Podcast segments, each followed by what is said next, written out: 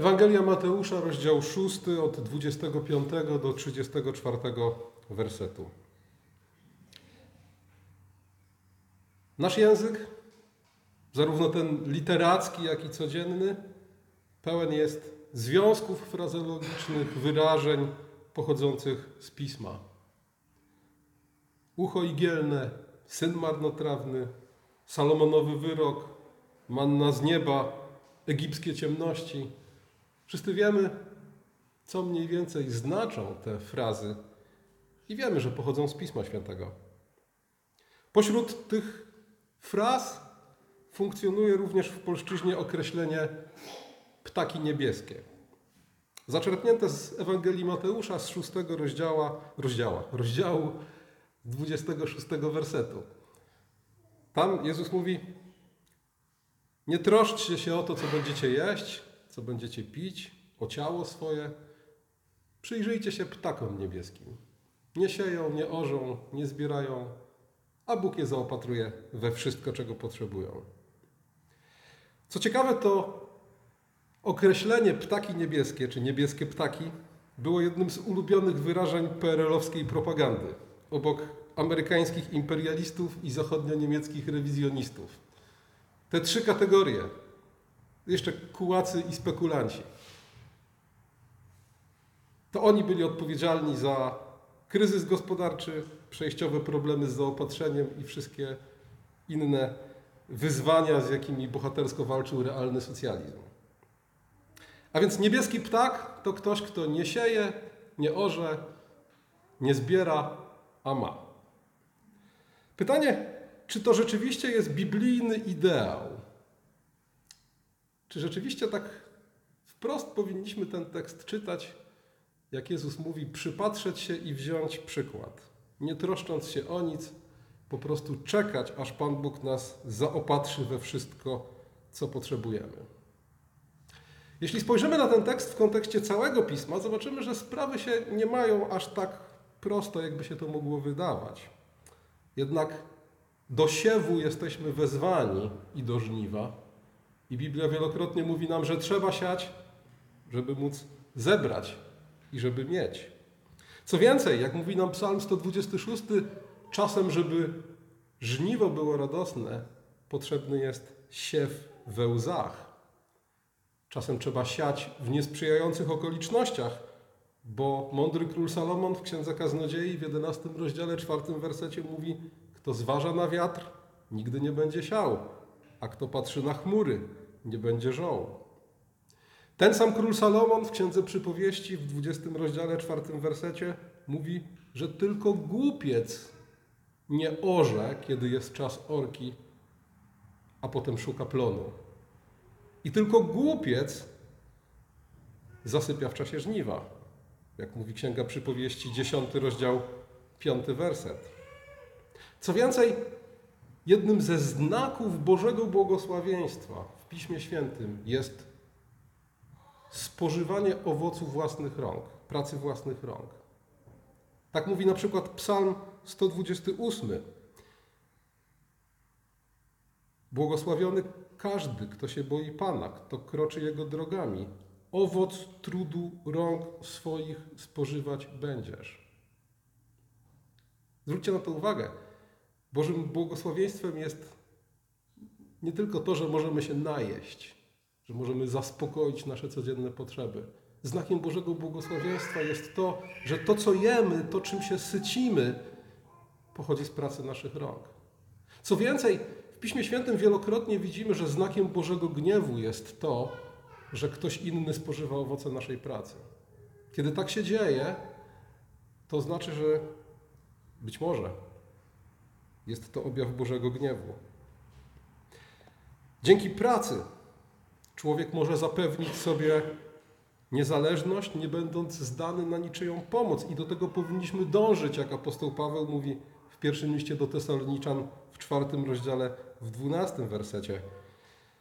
Ten sam apostoł Paweł w liście do Efezjan w rozdziale czwartym, dwudziestym ósmym wersecie mówi z kolei, że owocami naszej pracy mamy się dzielić z potrzebującymi, wypełniając w ten sposób nakaz Chrystusowy. I jeszcze raz apostoł Paweł, pierwszy list do Tymoteusza, piąty rozdział, ósmy werset. Kto o swoich, zwłaszcza o domowników nie ma starania, ten zaparł się wiary i gorszy jest od niewierzącego. A więc kto nie sieje i nie zbiera, niekoniecznie jest dla nas, powinien być dla nas wzorem. A więc praca jest naszym obowiązkiem, mądre gospodarowanie owocami pracy, naszym zadaniem, spożywanie owoców naszej pracy, przywilejem, radością i błogosławieństwem. A wszystko to wymaga jednak jakiejś dozy zapobiegliwości, myślenia o przyszłości, a nawet troski. Po to, żebyśmy mogli pracować, spożywać owoce swojej pracy, zaspokajać potrzeby naszych bliskich i dzielić się z potrzebującymi, musimy się wykształcić, musimy wybrać jakąś drogę życiową, jakiś zawód, a potem się jeszcze cały czas dokształcać. A czasem trzeba ten zawód zmienić i zdobyć nowe wykształcenie. To wszystko wybiega poza horyzont dnia dzisiejszego. To wszystko wymaga pewnej dozy zapobiegliwości, a nawet troski. Siew i żniwo to jest schemat, według którego powinniśmy żyć. A zatem o co chodzi, kiedy Jezus mówi: Przypatrzcie się ptakom niebieskim, które nie sieją, nie orzą, nie zbierają, nie gromadzą, a mają wszystko, czego potrzebują. Kontekstem dla tych słów Jezusa jest 24 werset Ewangelii Mateusza. Dzisiaj czytaliśmy od 25. Warto sięgnąć do 24. 24 werset mówi tak: Nikt nie może dwom panom służyć, bo albo jednego będzie nienawidził, a drugiego kochał, albo jednemu będzie oddany, a drugim wzgardzi. Nie możecie służyć Bogu i mamonie. To jest punkt wyjścia do tej ilustracji z niebieskimi ptakami. Nie możecie służyć dwóm panom. Albo służycie Bogu, albo mamonie, czyli pieniądzom. Albo służycie Bogu, albo sami sobie, swoim zachciankom. Albo waszym Bogiem jest Bóg, albo waszym Bogiem jest brzuch. I werset 25, od którego zaczęliśmy, który dzisiaj, od którego zaczęliśmy dzisiejszy fragment Ewangelii, rozpoczyna się od słów Dlatego mówię wam. A więc wszystko to, co Jezus mówi o troskach, mówi ze względu na to, że nie możemy służyć Bogu i mamonie. Ze względu na to, że albo Bogiem naszym jest Bóg, albo brzuch. W tym kontekście musimy odczytywać słowa o nadmiernej trosce o sprawy doczesne. I w tym kontekście słowa Jezusa brzmią już zupełnie inaczej. Pismo Święte wielokrotnie mówi nam, że w tych lub innych słowach, że nie możemy służyć Bogu i mamonie, że to dobra doczesne są głównym konkurentem Pana Boga w walce o naszą duszę. Miłość do pieniędzy apostoł Paweł nazywa korzeniem zła. I zwróćcie uwagę na to, że nie posiadanie pieniędzy jest korzeniem zła, ale miłość do pieniędzy. A kochać można zarówno te pieniądze, które mamy, jak i te, które staramy się zdobyć, jak i te, o których wiemy, że nigdy ich nie zdobędziemy. Chciwi mogą być ludzie biedni. Jak się tego ustrzec? Wielokrotnie i na wiele sposoby Pismo Święte nam o tym mówi. Zawsze pierwszym krokiem jest umiejętność dzielenia się tym, co mamy. To umiejętność dzielenia się tym, co mamy, zapobiega niewoli, w jaką możemy popaść. Niewoli chciwości, niewoli dóbr tego świata. Dlatego, jeśli chcesz zapytać sam siebie, czy jestem niewolnikiem dóbr tego świata, sprawdź swoją strukturę wydatków. Czy jest w niej miejsce na dziesięcinę, która jest biblijnym standardem? Czy jest miejsce na wspieranie innych? Jeśli nie, to najprawdopodobniej jesteś niewolnikiem dóbr tego świata, nawet jeśli wydaje ci się, że jesteś człowiekiem ubogim i żyjącym skromnie. Struktura naszych wydatków dużo mówi nam o tym, jaki jest nasz stosunek do dóbr tego świata.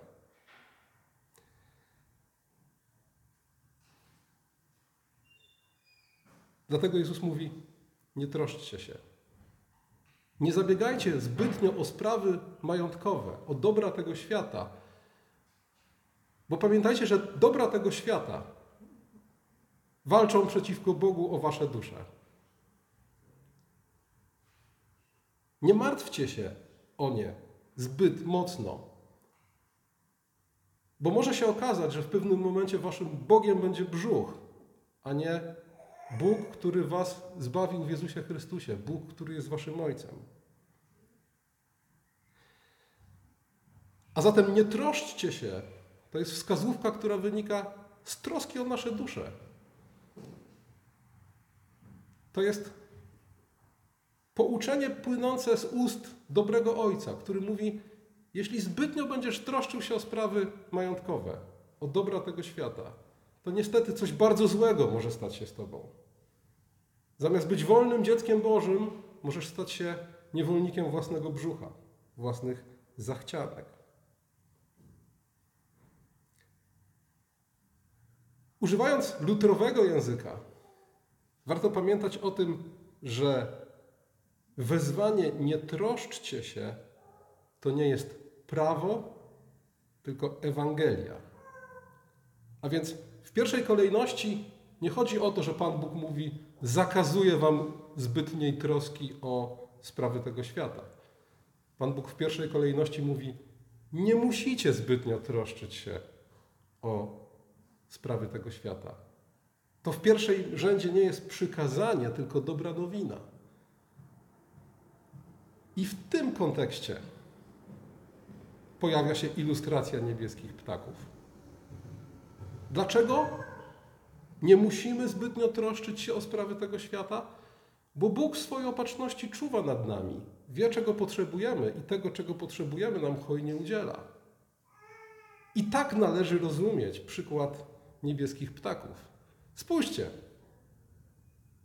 Nie sieją, nie zbierają, nie gromadzą, a Bóg swojej łaskawości we wszystko, czego potrzebują, je zaopatruje.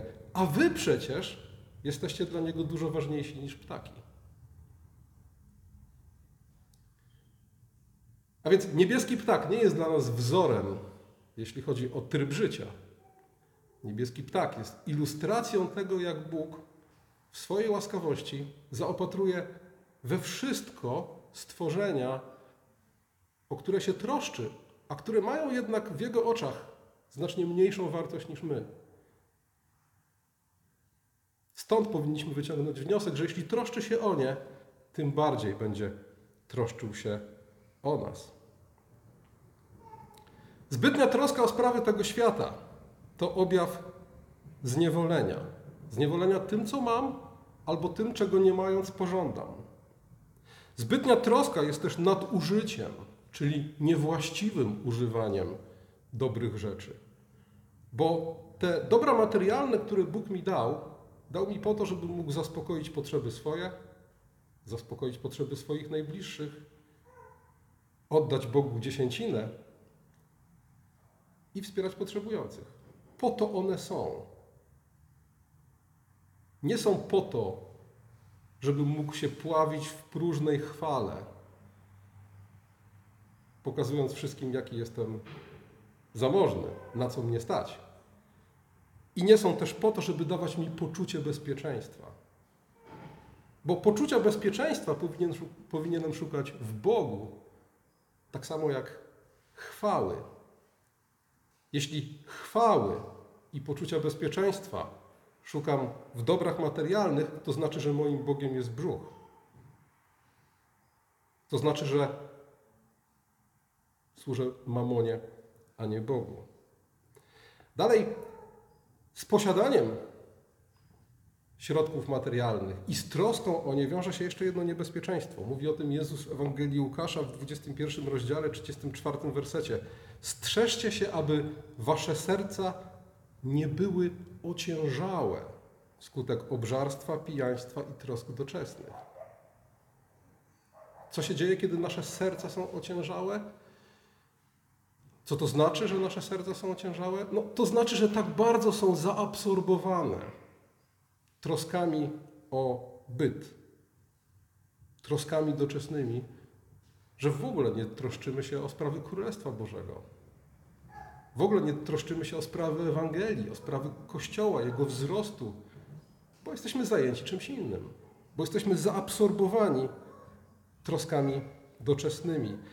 I dlatego te doczesne troski pojawiają się również w przypowieści o siewcy w Ewangelii Mateusza w 13 rozdziale, w 22 wersecie, jako coś, co zagłusza słowo. Bóg sieje słowo, ale troski tego życia, tego świata mogą zagłuszyć słowo i sprawić, że ono nie wyda w naszych sercach oczekiwanego owocu.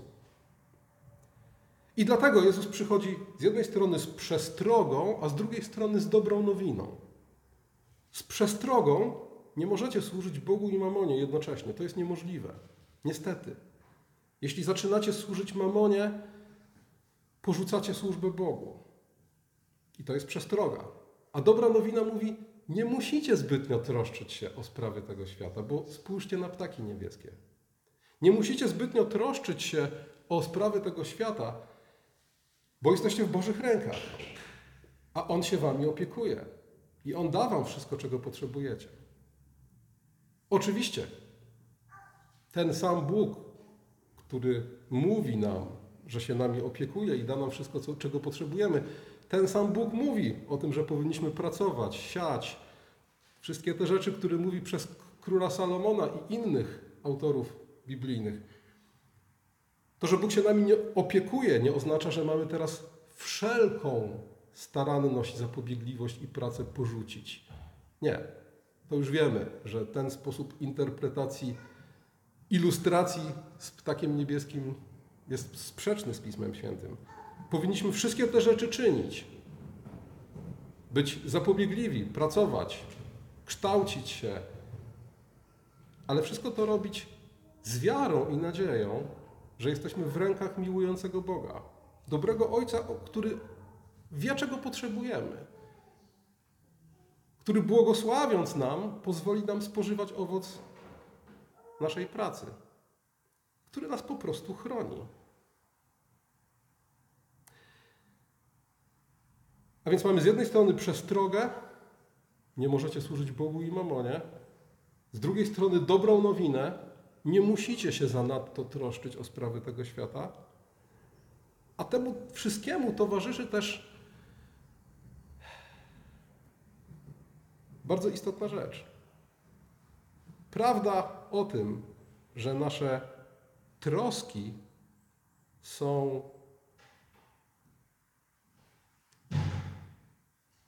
skazane na niepowodzenie.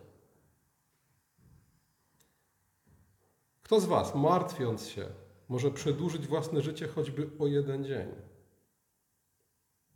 Tak mówi Jezus.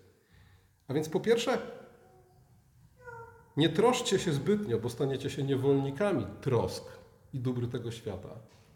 Po drugie, nie troszczcie się, bo nie musicie się troszczyć, bo Bóg się o Was troszczy.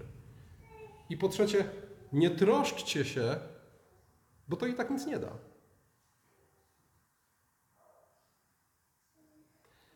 Jakikolwiek nasz wysiłek, który wkładamy w nasze wykształcenie i pracę, ma sens ze względu na Bożą opatrzność. Pracujemy i siejemy z nadzieją, że dzięki Bożej obecności będziemy mogli zebrać plon i spożyć owoce naszej pracy.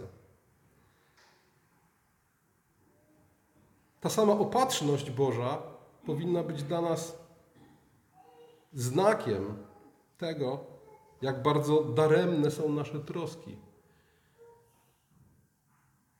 Bo nie jesteśmy w stanie dodać jednego dnia do naszego życia. Siejąc, nie mamy zielonego pojęcia o tym, czy będziemy w stanie zebrać plon. Tego nie wiemy. Nie wiemy, co będzie jutro. Nie wiemy, ile nam jeszcze życia zostało. Wiemy tylko tyle, że jesteśmy w rękach dobrego Boga. A więc troski są niebezpieczne. Troski są zbędne troski są daremne. Dlatego też słyszeliśmy dzisiaj fragment z pierwszego listu Piotra, z piątego rozdziału, z siódmego wersetu, w którym apostoł mówi: Wszystkie wasze troski złóżcie na niego. Dlaczego? Bo jemu zależy na was. A zatem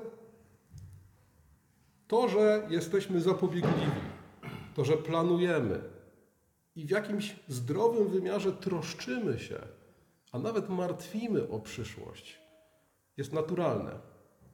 Do zapobiegliwości, przedsiębiorczości i pracy jesteśmy wezwani.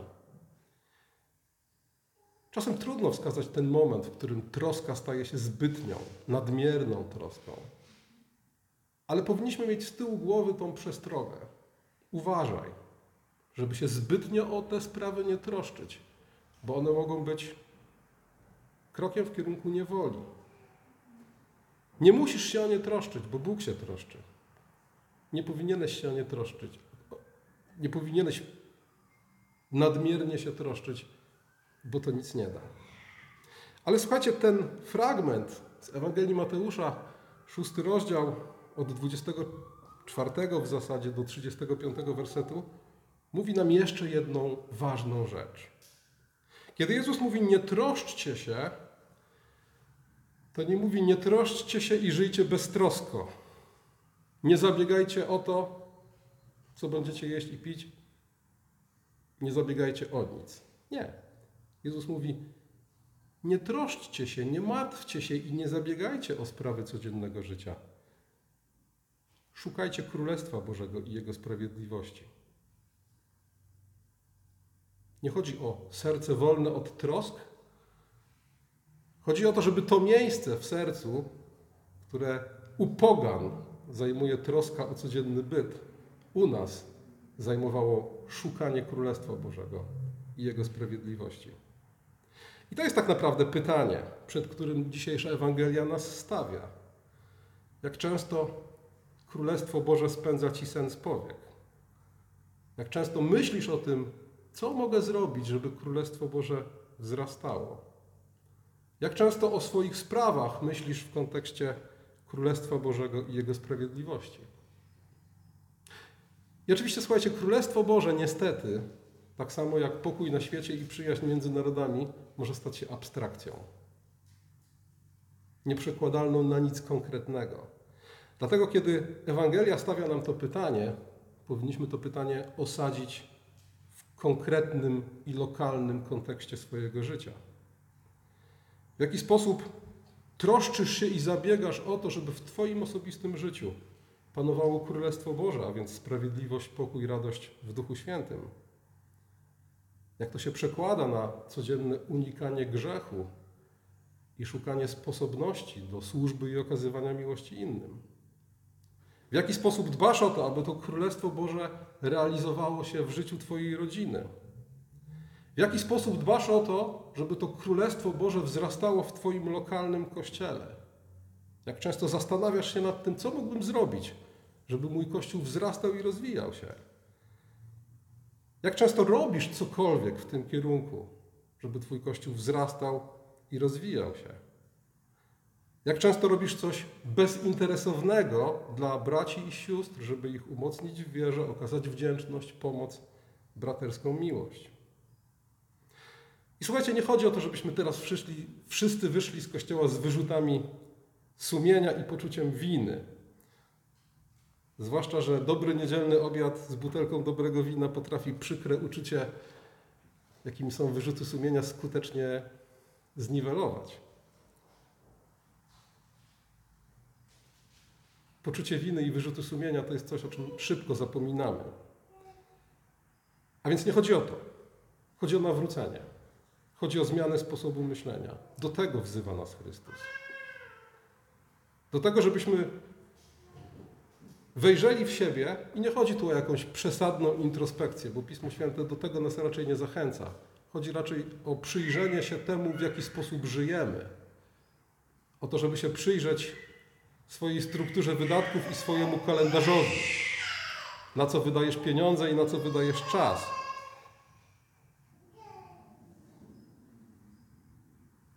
I aby dzięki temu wejrzeniu w siebie zmienić swoje postępowanie. W miejsce trosk nadmiernych, zbytecznych o sprawy tego świata, szukać Królestwa Bożego. Dobra nowina z dzisiejszej Ewangelii jest taka: nie musisz troszczyć się o sprawy tego świata. Powinieneś uczciwie pracować, powinieneś być przedsiębiorczy, zapobiegliwy, robić to, co do ciebie należy, ale ponadto nie musisz się zamartwiać. Bóg, który jest Twoim dobrym ojcem, troszczy się o ciebie, da ci wszystko, czego potrzebujesz. I dlatego możesz szukać Jego królestwa. Szukać królestwa Bożego i Jego sprawiedliwości z wiarą, że wszystko inne będzie Tobie dodane. To jest wezwanie dzisiejszej Ewangelii. Szukaj królestwa. Niech szukanie królestwa Bożego w realnym, codziennym, lokalnym wymiarze zajmie w Twoim sercu miejsce trosk o sprawy tego świata. Zapytaj sam siebie, co mogę zrobić? Co mam, czym mógłbym się podzielić? Co mam, co mogłoby zostać wykorzystane w służbie królestwa? Tu pojawia się słowo szafarstwo. Wszystko, co od Boga otrzymaliśmy, wszelkie talenty, zdolności, czas, majątek, cokolwiek, otrzymaliśmy jako szafarze, a więc jako ci, którzy mają mądrze tym wszystkim zarządzać i hojnie udzielać. Pewien historyk teologii na pytanie o tym, o to, na czym polega reformowana duchowość, podał sześć aspektów, sześć cech reformowanej duchowości i mówi, to jest, reform, to jest duchowość Pisma Świętego, to jest duchowość wieczerzy pańskiej, dnia pańskiego, duchowość psałterza, duchowość opatrzności, a więc wiary w to, że Bóg nad wszystkim czuwa i się nami opiekuje. I wreszcie to jest duchowość szafarstwa. A więc to jest duchowość, która sprawia, że swoje życie traktujemy jak zarządzanie tym, co nam dał Bóg na Jego chwałę. Dla zaspokojenia naszych potrzeb, naszych najbliższych, dla pomocy potrzebującym, mądre zarządzanie i hojne udzielanie. A jeśli myślisz sobie, nie wiem co robić, na początek módl się, a potem otwórz oczy i rozejrzyj się, z jakimi potrzebami zmaga się Twój Kościół, Twoja rodzina, Twoi najbliżsi, ci, którym masz obowiązek służyć. Szukaj w tym wszystkim Królestwa Bożego i Jego sprawiedliwości. Amen.